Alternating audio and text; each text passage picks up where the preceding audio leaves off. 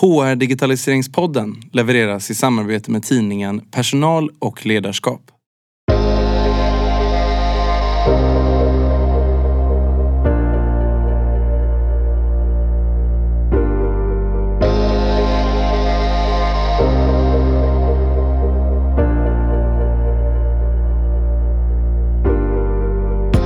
Dagens avsnitt av podden har en specifik målgrupp. Jag har under det senaste året fått kommentarer kring att det jag berättar om i podden kanske inte passar offentlig sektor. Men visst gör det det. För att ta död på myter om upphandlingar har jag därför bjudit in Josefin Monfors från Upphandlingsmyndigheten för att diskutera det specifika området offentliga affärer. Jag tänker att avsnittet passar dig som jobbar inom offentlig sektor eller du som vill sälja till samma sektor.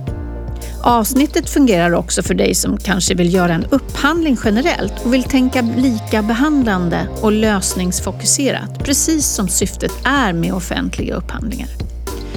Om du efter avsnittet vill ställa frågor till Josefin så finns hon och hennes kollegor på Upphandlingsmyndighetens frågeservice, det vill säga inte på Slack denna gång. Och en liten rättning innan vi börjar. Josefin nämner i början av samtalet att de offentliga inköpen är värda 700 miljoner. Men summan är mycket högre än så.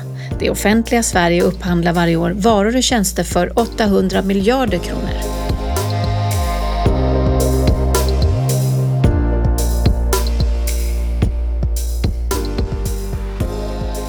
Välkommen hit till HR Digitaliseringspodden. Tack så mycket. Känns jättekul att vara här.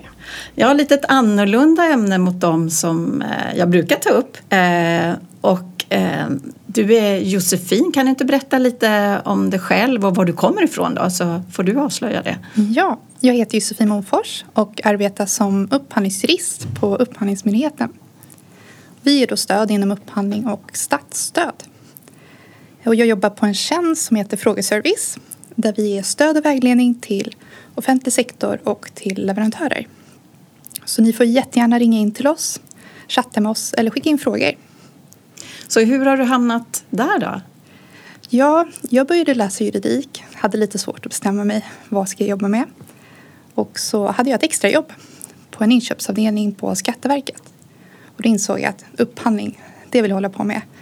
Det är lite gott och blandat. Det blir juridik, det blir affärsfrågor och man får lära sig väldigt mycket om olika branscher beroende på vad upphandlingen handlar om. Så det var så det började. Och sen har jag fortsatt och jobbat som upphandlare och idag arbetar jag på Upphandlingsmyndigheten. Så det här med att man får träffa väldigt mycket olika. Du får ju diskutera nu då med både de som, som ska upphandla och de som vill sälja i den här världen. Ja, så man kan se det. det stämmer. Ja. Eh, och vi får även medborgare som ringer in till oss eller folk som forskar inom olika ämnen. Så det är verkligen många olika personer som man får ha en dialog med. Och det tycker jag är väldigt spännande. Ja, jag förstår det. Så du är expert på de här frågorna då? Ja, jag försöker i alla fall. Ständig lärandeprocess. Men kan du inte berätta till att börja med lite grann? För att eh, jag kan tycka ibland att eh, upphandlingar det kan, det kan bli som lite sådär läskigt, jobbigt och du sa att du vill göra lite roligare för ja, att, gör, att man förstår mer. Eh, att det känns begränsande. Men när du och jag har pratat innan det här så har jag ju upplevt att det är snarare tvärtom. Så kan du inte berätta lite om bakgrund och liknande kring upphandlingar? Absolut. Ja, upphandling är ju ett verktyg för samhället i stort. Jag tänker om man sätter det lite i sin kontext. Man brukar säga att de offentliga inköpen är värda ungefär 700 miljoner kronor per år. Det är ju väldigt mycket pengar som kan användas till att driva samhället framåt, ta fram nya lösningar, eh, speciellt med tanke på innovation som vi ska prata om lite idag. Mm. Eh, en viktig sak tycker jag när man pratar om upphandling är att det är vad man brukar kalla förfarandelagstiftning. Det reglerar hur man ska köpa in, men inte vad som man ska köpa in. Så de upphandlande organisationerna har ganska stora möjligheter att styra själva. Vad behöver vi? Och eh, hur ska vi bäst tillgodose det inköpet? Kan du inte berätta lite mer om då, vad är tanken med upphandlingar? Mm. Um, offentlig upphandling är, man kan se det som att det är till för att ta tillvara på konkurrensen på marknaden. Men även för att ha effektivt använda skattemedlen. Ehm, alla leverantörer ska behandlas lika. Mm. Ehm, och det finns fyra olika lagar som styr. Men vi ska mest prata om lagen om offentlig upphandling, även kallad LOU. Det kanske några känner igen där ute. Och de här reglerna bygger på ett EU-direktiv och därför ser upphandlingslagstiftningen till stora ganska likadan ut inom hela EU. För det är ju till för att främja den här fria rörligheten mellan länderna. Mm. Men vi har även vissa nationella regler som gäller för upphandlingar under, under tröskelvärde kallar det för, lite mindre belopp. Och det här är ju många nya begrepp för många kan tänka mig. Nu kanske ni undrar, vad är ett tröskelvärde? Mm. Vi har en hel del information om det på vår webbplats där man kan gå in och läsa lite mer. Och har man fortfarande frågetecken får man jättegärna prata med oss. Och det kan jag säga då som eh, har försökt läsa på så mycket som möjligt. I vanliga fall så har jag ju ofta samtalsämnen här som jag kan ganska bra. Eh, men här har jag ju fått plugga lite och er hemsida på Upphandlingsmyndigheten är ju fantastiskt bra. Den är väldigt eh, fylld av bra information och eh, lättförståelig information. Ja, vad roligt att höra. Ja. Det är precis det vi vill. Men det här du tog upp då kring eh, de här eh, tröskelbeloppen och vad den här europeiska kontra svenska lagstiftningen. Kan du prata lite mer om det? Ja, eh, det reglerar bland annat vilka typ av förfarande man kan välja när man väl ska gå ut och upphandla. För om man hamnar inom EU-lagstiftningen då ska bland annat upphandlingen annonseras i hela EU. Det kan vara bra att känna till. Är det under de nationella reglerna så annonserar man i Sverige. Men det jag tänker kan vara bra insteg, vad säger man? ingång mm. till upphandling det är att man har koll på de grundläggande principerna. För det, för det finns fem olika principer som genomsyrar hela upphandlingslagstiftningen. Det är icke-diskriminering, likabehandling, proportionalitet, öppenhet och ömsesidigt erkännande. Och jag ska inte gå in så jättemycket på det för att då kanske det blir lite, lite torrt och tråkigt. Mm. Eh, nej, torrt och tråkigt, det, det menar jag inte. Men eh, det kanske... Det kanske är att gräva lite för mycket just nu. Ja, just här i alla mm, fall. Mm. Mm. och har man koll på de här principerna så brukar jag säga att det blir mycket lättare att förstå upphandling för att alla bestämmelser i upphandlingslagstiftningen ska tolkas mot bakgrund av de här principerna. Och då vad sa du, upprepa igen, vi pratar om lika behandling. Ja, precis. Alla leverantörer ska behandlas lika kan man tänka på. Mm. Ehm, det finns även proportionalitetsprincipen. Att man inte ska ställa mer långtgående krav än vad som krävs. Ehm, man ska även tänka på öppenhet eller transparens. Det vill säga det som är med i själva upphandlingen, det är det den upphandlande organisationen kan beakta. Mm. Och det ska vara tydligt för anbudsgivare, leverantören där ute, vad behöver jag göra för att lämna in ett så bra anbud som möjligt. Så principerna är ju väl egentligen när jag tittar på som, eh, som jobbar framförallt har jobbat i privata sektorn så är ju det här det som man vill ska ske även där. Men ibland kanske det är så att man tänker att just eh, upphandlingsreglerna kan bli att man, man blir lite rädd för att röra sig fritt på något sätt. Att man inte vågar. Man är rädd för att göra fel säkert. Eh, håller du med om det? Sådana frågor du får eller? Jo, vi får en del frågor just för många vill, vill göra rätt och, mm. och vill också lära sig mer för att det finns ju jättemycket möjligheter eh, när det gäller upphandling. Och det är det vi gärna vill nå ut med.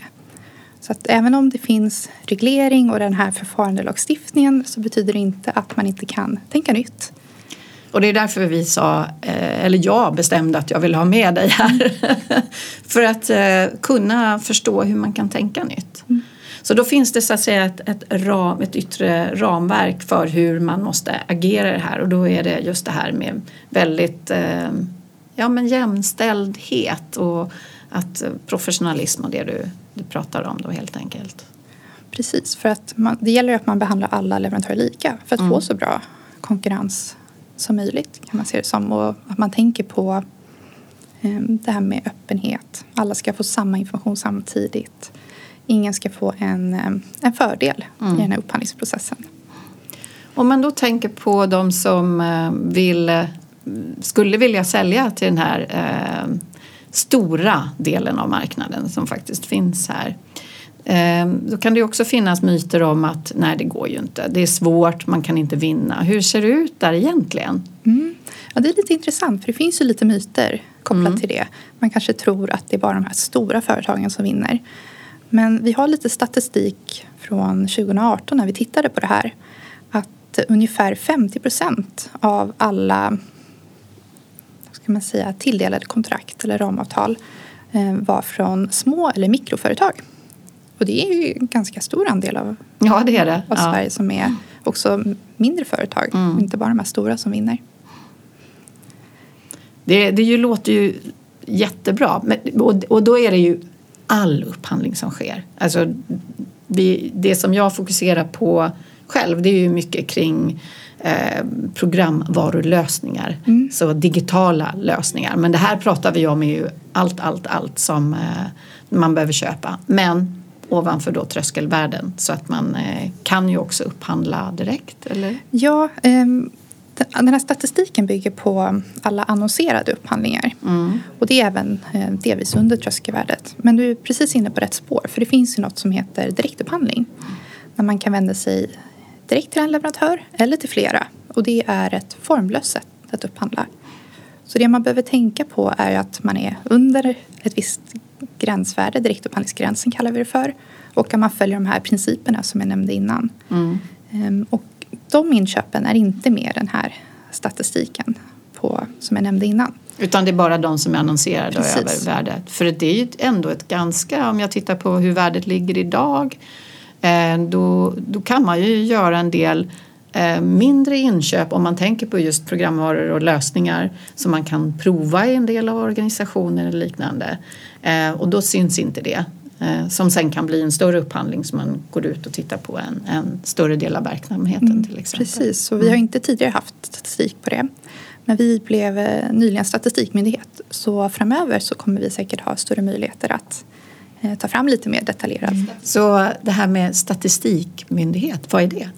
Ja, vi samlar in statistik från det som heter annonsdatabasregister som ligger då hos det är Konkurrensverket som sköter registreringen av dem och de ska skicka in statistik till oss. Så vi kommer förhoppningsvis kunna ta fram mycket mer detaljerad statistik på upphandlingsområdet. Mm. Eh, och det kan vara jätteintressant som ny leverantör. Man kanske är intresserad av vad köper offentlig sektor in inom just till exempel programvarulösningar. Mm. Ehm, är det en affärsmöjlighet för mig? Precis. Mm. För det, det är det jag möter när jag träffar entreprenörer. Eh, de nya eh, lösningar som kanske inte redan finns.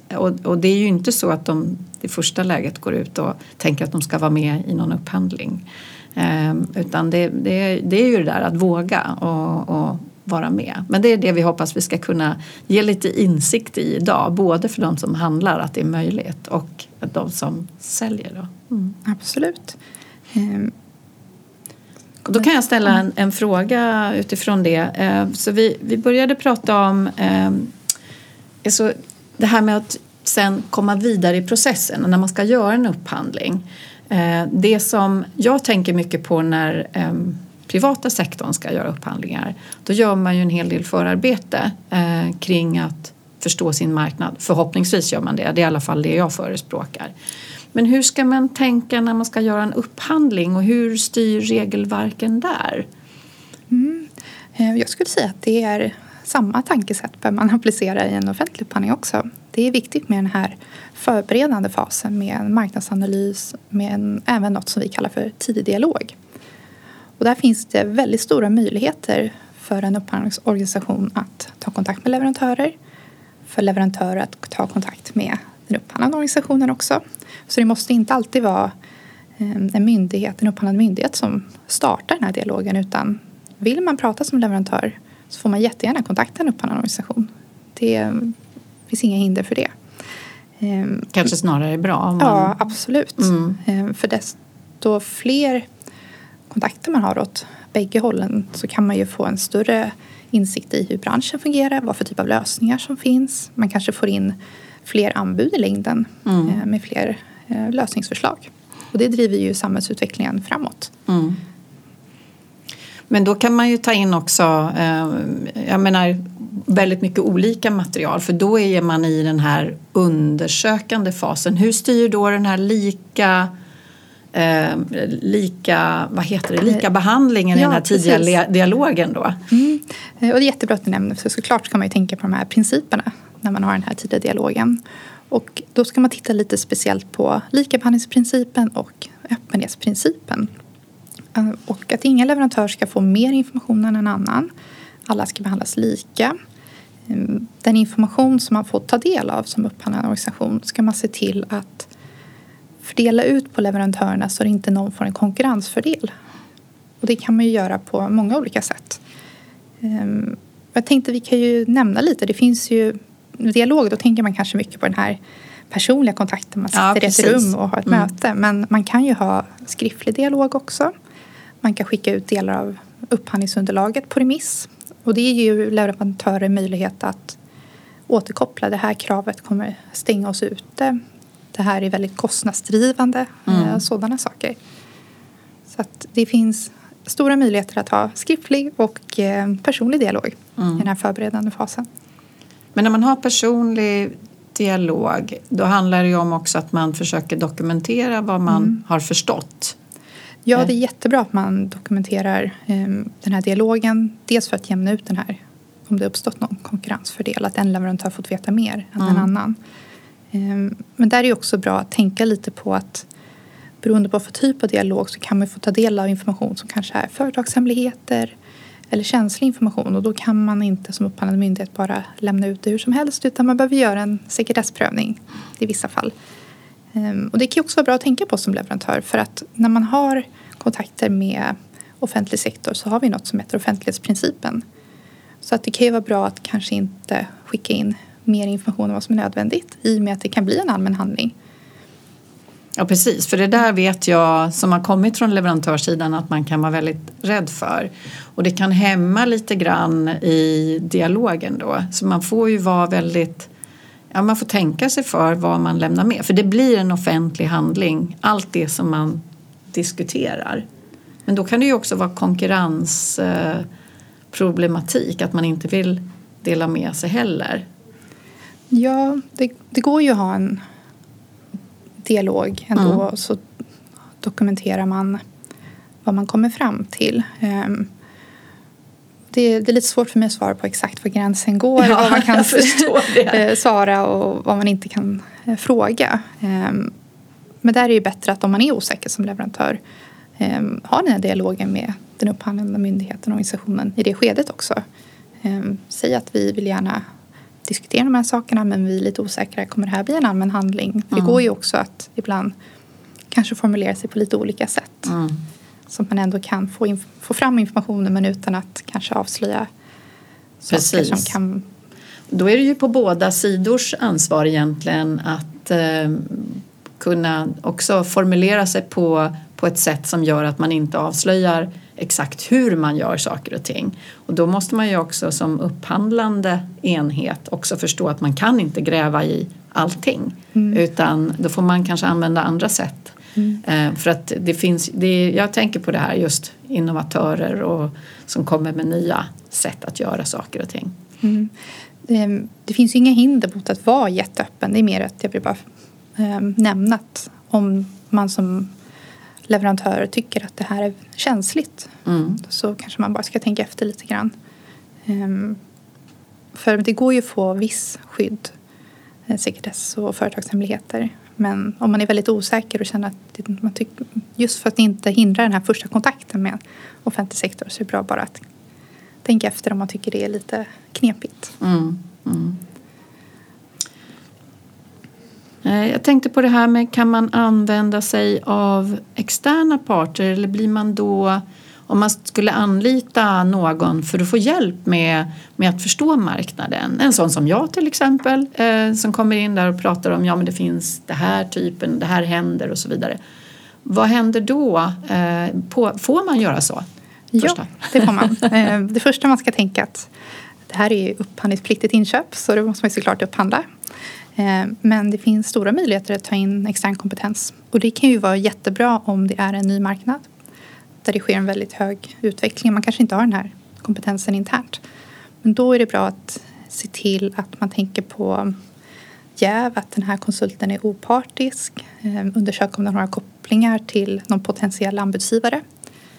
För att det finns lite bestämmelser i LOU som rör just det här med om en potentiell anbudsgivare får med att utforma ett upphandlingsunderlag mm. så blir det en konkurrensfördel. Mm. Och då måste man jämna ut den här konkurrensfördelen. Och om man inte lyckas med det så kan man i värsta fall behöva utesluta då den här anbudsgivaren från upphandlingen.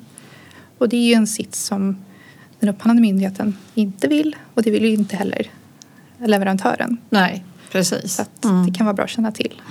Mm. Ja, det, men det är jättebra information. För det, och så tänker jag också på kring att eh, jag menar, utbilda sig. Det kan man ju göra. Det är också, men det, är det samma sak där om man går en utbildning?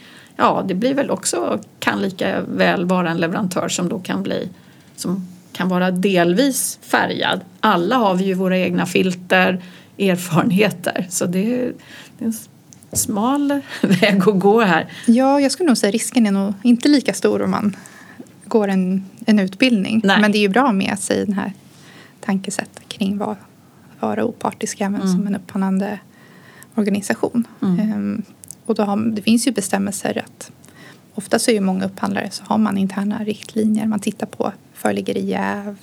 Har man någon nära koppling till någon släkting? Bör man verkligen göra den här upphandlingen? Mm. Så det finns ju sådana saker också som sker på många upp, upphandlande organisationer. Ja, men jättebra att förstå det här kring den här tidig dialog som det heter då, eh, kring att hur man bygger sin förståelse egentligen för marknaden och verkligen då kan jobba med sin RFI-process eh, till exempel för att få, få in en massa input till man väl ska eh, skicka ut det här. En annan sak som, som jag tycker är intressant i det här det är också, eh, kan man, hur kan man jobba, vi pratade lite om det tidigare om tester, eh, att man ska kunna testa eller köpa in ett min, göra ett mindre inköp. Men hur, hur kan sånt påverka? Vad, vad får man göra där? Mm. Det var en jätteintressant fråga. Eh, det finns stora möjligheter att använda tester i upphandling. Egentligen i alla olika faser. Mm. Så inför en upphandling, i själva upphandlingsförfarandet men även eh, när upphandlingen är avslutad kanske man har något särskilt kontraktsvillkor där man ja, kundnöjdhet eller an, användartester. Mm. Ehm, och det kan man också göra i de andra skedena. Ehm, det som kan vara bra att tänka på där är att vi har lite praktiska tips på vår webbplats kring det. För det finns ju andra aspekter förutom upphandlingslagstiftningen. Vem ska betala för det? Mm. Immateriella rättigheter och sådana frågeställningar. Men att ha tester är ett bra sätt att utreda eh, nya lösningar men även ha det i själva upphandlingsförfarandet. Så om det är nya lösningar kanske du inte vill svara på men det här med vem som betalar för det för det är ju en intressant fråga för för eh, både större och mindre organisationer som ska lever potentiellt leverera. Att man tar ju en risk. Det kostar ju ganska mycket mm. att svara på upphandlingar och vara i den här dialogen eftersom den är styrd och men det finns en, en, större osäkerhet tror jag. Men hur fungerar det då? Vem, kan man alltså få betalt för att i en viss steg i, för att kunna utföra ett, ett professionellt test, alltså leverera en testmiljö till exempel. Om man inte har det som, eh, det kanske inte finns än, eh, den mm. typen just. Jag vet faktiskt inte vad som är vanligast Nej. Eh, ute i offentlig sektor. Men det går ju att reglera åt båda hållen. Mm. Eh, men det finns ju en, kanske en nackdel om man låter leverantörerna bekosta det. Då kanske vissa leverantörer drar sig för ja, att precis. Eh, delta, precis som du nämnde. Det är också bra att tänka på att alla varor och tjänster som en upphandlad myndighet köper in är ju upphandlingspliktigt. Så att mm. man tänker på det även om tester är möjligt. För det är ju och det tycker vi är jättebra att man använder så måste man tänka efter att det är ju också ett, ett köp. Ja, det är ju också ett köp och då måste mm. det falla under Eh. Ehm, exempelvis direktupphandling. Ja, precis. Ehm, men då får man ju mm. bara säkerställa att har vi utrymme mm. att direktupphandla det här. Precis, ja jag förstår. För det är ju en väldigt viktig fråga. Och både för att veta som upphandlande enhet och de som jobbar med mm, möjligheterna. För att det är ju oftast en begränsande faktor. Även om man, även om man kanske tror att det är ett stort företag så kan det ju vara svårt att få till det här med att få loss rätt resurser och det kostar ganska mycket. Och då, då har jag sett där man drar sig för att faktiskt, nej men då stoppar man där för man har inte råd att göra den investeringen. Mm. Och det är ju väldigt synd. Mm. Ehm, just det här med tester i upphandling också, det är ju möjligt att göra i alla upphandlingar. Mm. Men troligtvis är det ju vanligare när det gäller nya lösningar. Eller kanske också när det gäller vissa eh, digitala lösningar. Även om man kan ha tester när det gäller varor också. Mm. Så brukar man som upphandlande myndighet alltid ta ställning till varför ställer vi det här kravet eller varför vill vi göra det här testet? Vad får vi ut av det? Men bra, då har vi pratat lite om, om, om det här med tester som är ju en väldigt intressant och också att man kan ha det i olika faser av upphandlingen, både tidigt då för att undersöka marknaden. Det blir inte någon jäv i det då? Ehm, jäv kan ju uppstå ehm, teoretiskt sett i alla ja. faser såklart, men eh, så länge man arbetar aktivt med det som en upphandlande organisation, man tar ställning till kan det föreligga konsultjäv eller annan form av jäv Ehm, för alla leverantörer samma information. Mm. För det mm. måste man också tänka på. Dokumentera och dela med sig av eh, sådant. Så, vi, så även om jag pratar om begränsningarna nu så finns det ju jättestora möjligheter att använda tester mm. i upphandlingsfasen. Mm. Och innan, då i den här tidiga dialogen. Det handlar om att lära sig mer helt enkelt. Så man, är, så man vet själv vad man ger sig in på. Ja, vad det finns för möjligheter. Ja, och det är, ja. det är lite därför vi på Frågeservice finns också. Mm. Så det är bara att ringa till oss eller mm. chatta med oss så kan vi prata lite mer om det här. Eh, när det då kommer till eh, en punkt som eh, ofta är uppe också det är hur man skriver eh, sina funktionskrav. Och där tycker jag det är lite intressant att jag, ja, hur man skriver dem. Eh, att det finns faktiskt mycket fler möjligheter än man kanske tänker på när man gör det. Ja, jag blir jätteglad över att du nämner funktionskrav. För det finns ju lite olika sätt att formulera krav. Antingen kan man göra det på ett detaljerat sätt. Alltså man beskriver krav på varans egenskaper eller hur tjänsten ska utföras. Och, men motsatsen kan man säga i funktionskrav. Eh, man beskriver krav på funktionen, det vill säga vad som ska uppnås istället för hur det ska uppnås. Och på så sätt vis kan man ju öppna upp för nya lösningar för nya leverantörer också. Så att det, det går också att blanda de här två mm. typer av krav i en upphandling. Vi har en hel del information om hur man utformar dem, hur man utvärderar funktionskrav men även hur man följer upp det eh, på vår webbplats. För det, det, förstår jag att det måste ju eh, verkligen hänga ihop det man frågar efter och det man utvärderar sen när man ska välja ut vilka som kommer att gå vidare eller om det ska men just det här tanken kring att inte ställa krav på huret och istället eh, beskriva sin målbild. Mm. Det är ju ingenting som egentligen är unikt för offentliga upphandling utan det ser man ju eh, i många lägen att man tror att man måste ställa den typen av krav. Men jag tror att just när vi pratar om innovation, ny teknik, att man ska tänka friare och faktiskt använda den möjligheten att ställa eh, frågorna på ett sådant sätt. Men hur blir det i, sen då när man utvärderar? Kan du berätta lite hur man hur kan, hur kan man då länka det här? Jag tänker på det här med utvärderingsgrunder. Vi pratar om, om man nu ska, hur man ska utvärdera leverantörer gentemot varandra. Eh, jag tror det är väl lättare om man säger men, pris och skallkrav, alltså huret än om man ska gå på en friare eh, vad, vad ska uppnås. När det gäller utvärderingsgrunder så kan man välja en, för det finns ju lite olika som är möjliga när det gäller offentlig upphandling som heter bästa förhållande mellan pris och kvalitet. Och då kan man även beakta just som, man hör ju det, kvalitetsaspekter. Mm. Ehm, och det är ju för sig också möjligt när det är bara för att man har lägsta pris så betyder det inte att det inte finns kvalitet. Eh, men det jag tänker på när det gäller bästa förhållande mellan pris och kvalitet är att man kan välja att tillämpa något som heter dels obligatoriska krav.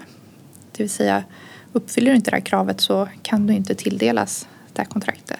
Men har du tilldelningskriterier kan du eh, utforma ditt upphandlingsdokument exempelvis säg genom att du får poäng om du uppfyller ett visst funktionskrav.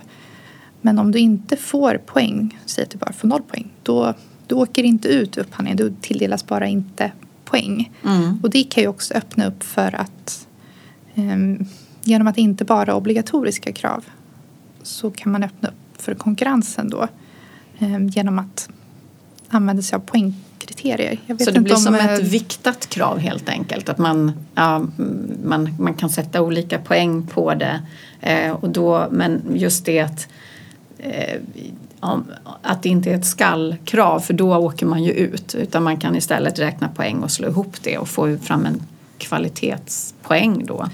Ja, genom att om man använder obligatoriska krav, man inte uppfyller det som leverantör mm. så måste man utifrån likabehandlingsprincipen eh, förkasta det anbudet. Eh, för det vore ju det är inte lika behandlande om man låter någon vara med om de faktiskt du inte uppfyller kravet. Du måste vara så här och så, nej det är jag inte, men okej då, du får vara med ändå, det går ju inte. Nej precis, så, att, um, så det kan vara bra att känna till. Ja. Um, men det jag tänker på genom att ha krav, tilldelningskriterier då, där man den enda, kons, enda konsekvensen om vi ska säga på det sättet är att man inte får ett eh, poäng på just den delen. För det kanske mm. finns ett annat funktionskrav som man uppfyller. Eh, och precis som du är inne på så slår man ihop de här viktningarna, eh, viktningar mellan pris och kvalitet och så ser man vilka leverantör som tilldelas kontrakt. Ehm, och här är ju väldigt intressant tycker jag för att det finns ju stora möjligheter för en upphandlande organisation att exempelvis välja, men vi tycker pris det är värt 20 procent mm. och resten 80 procent då vill vi ska vara kvalitet i den här upphandlingen. Om man tänker på eh, pris, det brukar ju ofta vara en sån eh, del som man lyfter fram att just upphandlingar då, då är det väldigt mycket prispress. Man måste verkligen tänka på vad man sätter för pris. Men är det inte så att man måste sätta någon form av budgetram? Eh, ja, det måste ju alla organisationer ha förstås, men när man då viktar, hur, hur fungerar det? Kanske en svår fråga att svara på. Ja, och det finns lite olika element också som jag tänker kan vara intressanta för att i den här bästa formen mellan pris och kvalitet då kan man antingen lämna pris eh, man kanske får in ett timpris på en konsultroll säger mm. vi. Eh, men man kan också som upphandlande organisation sätta ett fast pris. Men då gäller det att man har haft den här tidiga dialogen mm. så att det blir rätt pris. Mm. Eh, och då blir det enda kvar att konkurrera om kan man säga eh, kvaliteten i upphandlingen. Så att eh, viktning, för du ställer en fråga här om hur man kan vikta och då, ja, precis. då kan man antingen ha som jag var inne på 20% pris eh, men man kan också ha 20% kvalitet och 80% pris. Mm. För det gäller ju att man som upphandlingsorganisation funderar på vad är viktigast för oss för mm. i det här behovet. Um, har vi en stram budget eller vill vi verkligen utveckla den här nya lösningen och vi kanske har råd att ta ett dyrare anbud. Mm. Eh, att det är viktigare eh, med för vissa tänker, kvalitetsaspekter. För när jag tänker på hur det här med att upphandla och eh, ta nya steg i vad, hur man gör saker. Det är ju mycket det som eh, att man då inte riktigt vet heller vad det kan kosta. Även om man har haft dialog så är det ju först när man har formulerat sina behov som man kan se vad det egentligen kan bli för prislapp. Det är ju väldigt svårt. Men kan man, ha, kan man bestämma sig för att det här vi ville göra så inser man längs med vägen att nej men, det blir ju för dyrt för då, det här som vi faktiskt, det, det går inte eller vi måste förändra. Kan man då backa hem, göra om eller vad, vad, vad gör man då? Mm, um, det är möjligt att avbryta en upphandling kallas det. Mm. Om man har saklig grund för det. Och eh, om man har en dokumenterad budget eh, och man ser att det här kommer bli för dyrt eh, så kan man ju avbryta mm. en upphandling. Men ehm, då är det bra, precis som vi tänkt prata om innan, det är ju det är dyrt för arbetsgivare att vara med i en upphandlingsprocess. Och det kostar ju även tid och pengar för en upphandlande organisation. Så att det bästa är ju om man har möjlighet att lägga mycket tid och energi på den här förberedande fasen. Så att det är klart, ibland sker ju oförutsedda händelser Ehm, och det är väl där det finns en möjlighet att avbryta då, mm. om man har saklig grund för det. Men det är ju tillbaks till den här tidiga dialogen, göra den ordentligt. Eh, det tar tid. Det tar säkert, eh, man kan nog bli frustrerad för att det tar så lång tid innan man kommer fram till någonting och börjar upphandla. Men värdet som det ger att ha en väl underbyggd upphandling innan att man vet vad det är, både vad som är möjligt och vad man som organisation då kan ha råd med och, investera i och eh, förstå sig på eh, vad som kan göras. Och sen också låta det vara en ganska öppen när man pratar om innovation eh, i frågeställningarna som man ställer. Eh, och sen var, jag tänker också på eh, att man kanske inte ska ha hur mycket skallkrav som helst. Att det, fast det, nej, det ska vi inte ge oss in på.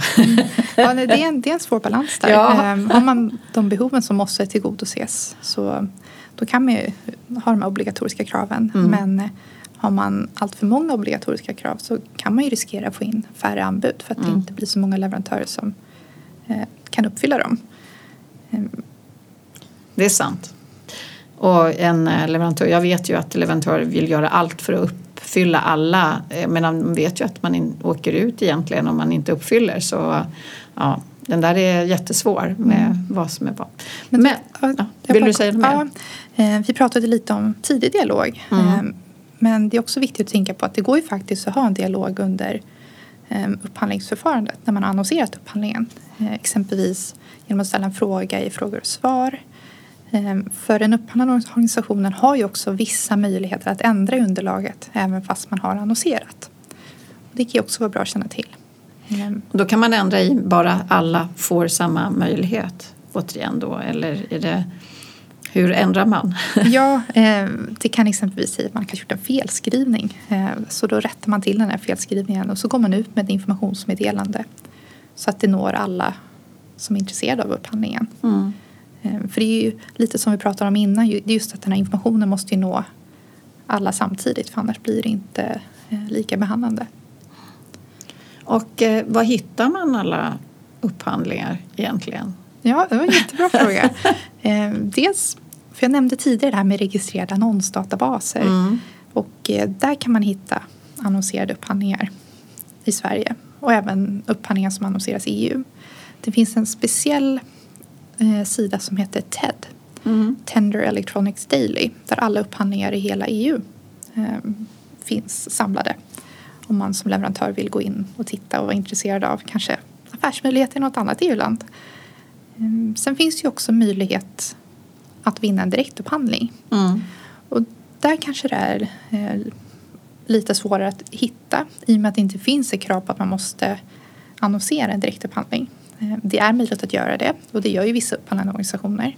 Så att där är det ju viktigt att man har en dialog med en upphandlande organisation så att de känner till just eh, din affärsidé och vad mm. du kan erbjuda.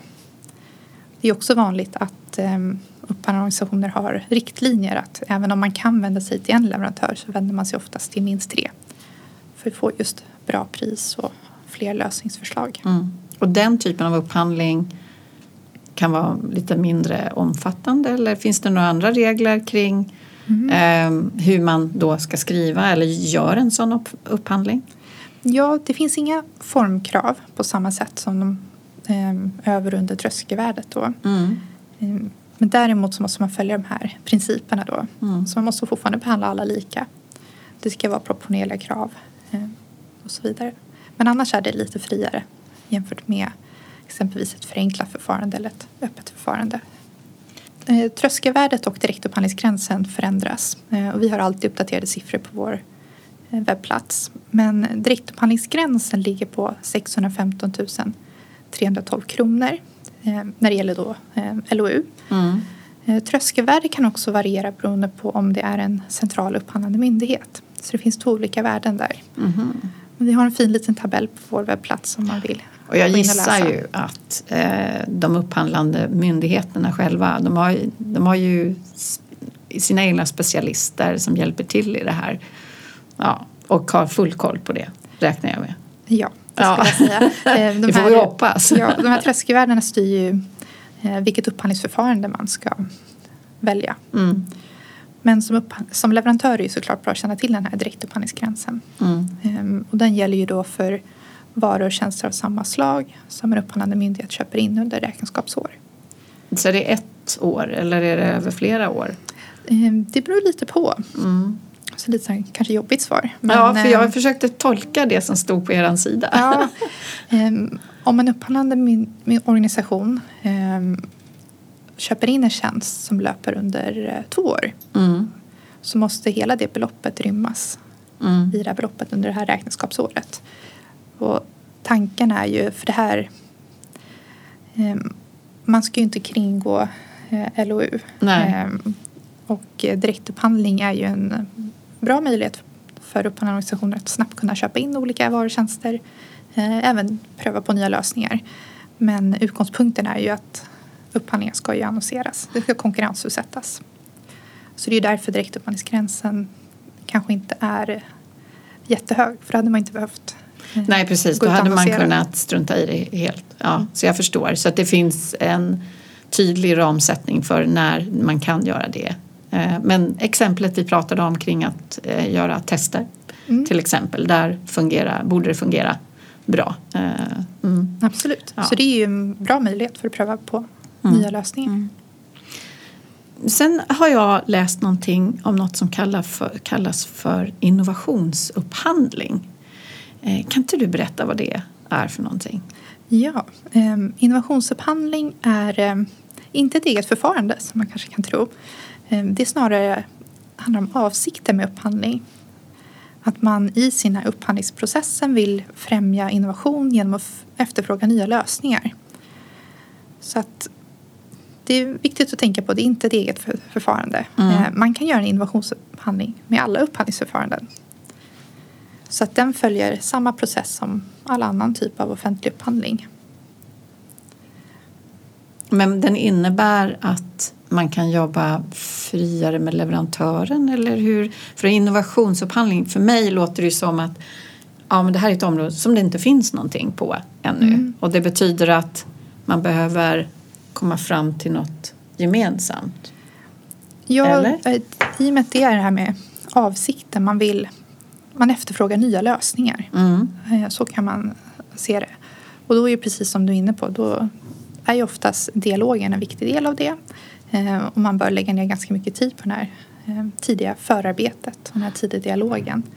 Och det finns ju lite olika typer av upphandlingsförfaranden som man kan tillämpa om man uppfyller alla förutsättningar där man då kan ha en dialog eh, under processens gång. Men har du något eh, exempel på en innovationsupphandling? Inte så här på rak arm, eh, men vi har en hel del exempel på vår webbplats. Mm. För det jag såg, försöker jag komma ihåg vad det var, jag tittade på något kring eh, eh elektroniska bussar eller någonting sånt. så det var nej men en nytt trafikslag som man ville ha som stöttade någon verksamhet som inte riktigt fanns någonstans. Är det sånt man kan tänka på? Att det är, det, det är helt nytt? Eh, absolut, i och med mm. att det är en ny lösning så är det eh, helt nytt. Mm. Och vi pratade också om det här med funktionskrav. Och det är ju jättebra att tillämpa i en, i en innovationsupphandling. Mm. I och med att du vill öppna upp för nya lösningar. Du vill inte styra hur leverantören ska Nej, utan snarare så säga det här skulle vi vilja uppnå. Ja. Och eh, kom med förslag hur vi skulle kunna uppnå det här. Mm. Eh, men då är det fortfarande samma utvärderingar, kvalitet, kontrapris och eh, så vidare. Alla de här andra sakerna vi har pratat om. Ja, det stämmer. Eh, ja. Samma principer, det är samma upphandlingsförfarande som är tillämpliga. Och jag tänker en sak som vi faktiskt inte nämnt här vi pratar mycket om det här med dialog med leverantör och upphandlingsorganisation. Att mm. Som upphandlingsorganisation man kan ju också kontakta andra inom offentlig sektor. Mm. Så man kanske har sett det gjort en innovationsupphandling eh, och få inspiration och lära sig mer om vad gick bra i den processen. Vad bör vi ta med oss och tänka på? Precis, och det är väl väldigt vanligt att man jobbar ihop också i upphandlingen som sådan, att man kan gå ihop flera. Mm, det stämmer, man kan ha Eh, samarbeten mm. i exempelvis bara en upphandling, en tillfällig samarbete. Men man kan också använda sig av inköpscentraler eh, som då genomför upphandlingarna så kan man bli avropsberättigad Ja, som just det. upphandlingsorganisation. Så det kan ju vara ehm, en möjlighet också. Mm. Precis, det har jag sett. Ja. Att man gör den typen så finns det sen möjlighet till avrop. För det verkar ju väldigt dumt om alla ska behöva göra samma upphandling av de mer standardmässiga områden kanske. Mm. Ehm, och så finns det ytterligare en, ett spännande område som vi kanske inte hinner prata jättemycket om men dynamiska inköpssystem som Jaha. också kan vara väldigt bra när det gäller eh, nya lösningar. För att nu när jag nämnde inköpscentraler, de brukar upphandla ramavtal Mm. och då ehm, gör man oftast en förnyad konkurrensutsättning ehm, där man går ut med behov och så får de här leverantörerna som är anslutna till ramavtalet lämna anbud för den förnyade konkurrensutsättningen. Men det är ett slutet system kan man säga. Om man väl blivit leverantör på ramavtal då kan inte fler i efterhand som utgångspunkt ansluta sig till det. Mm. Men ett dynamiskt inköpssystem där kan man som leverantör löpande ansluta sig till det. Mhm. Vilket det kan ju vara positivt för en upphandlande organisation också om man har ett nytt område. eh, Så kanske det blir mer känt bland leverantörer så kan de ansluta sig i efterhand så kan den leva på. Jaha, vad spännande. Ja, den kände jag inte till. Ja. Så det finns ganska mycket möjligheter. Ehm, det låter som eh, en hel del eh, saker som florerar, det vill säga myter på marknaden har vi nog lyckats täcka in här i hur man, att de inte stämmer.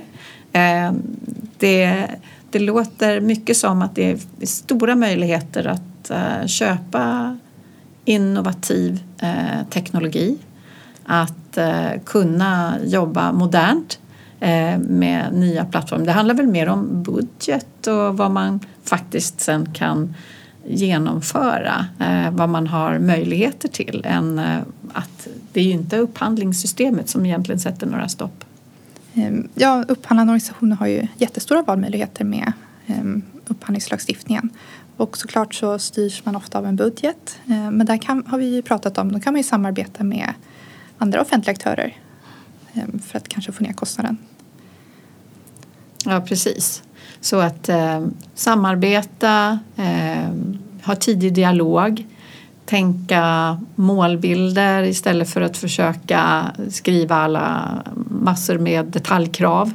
Eh, och välja vad man ska väga utifrån då sina budgetomöjligheter. Det, det låter som det finns otroligt bra flexibilitet och som samtidigt ger en väldigt eh, god eh, känsla för rättvisa och möjligheter för alla olika typer av leverantörer att lyckas på den här marknaden. Ja, för upphandlingslagstiftningen är ju till för att främja effektiv konkurrens och man vill ju motverka korruption. Det, Jättekul! Jag tror att det var alla frågor som jag hade. Har du någonting speciellt som du tycker att du skulle vilja nämna så här på slutet? Inte som jag kommer på så här på rak arm. Ehm, men jag vill bara återigen gärna, om man är intresserad av att prata mer om upphandling så får man jättegärna kontakta oss. Jättekul och jag ser till att det finns kontaktuppgifter till er i podden någonstans. Ja. I texterna, i länkarna och så vidare. Så tack så jättemycket för att du kom hit. Och tack för att jag fick komma.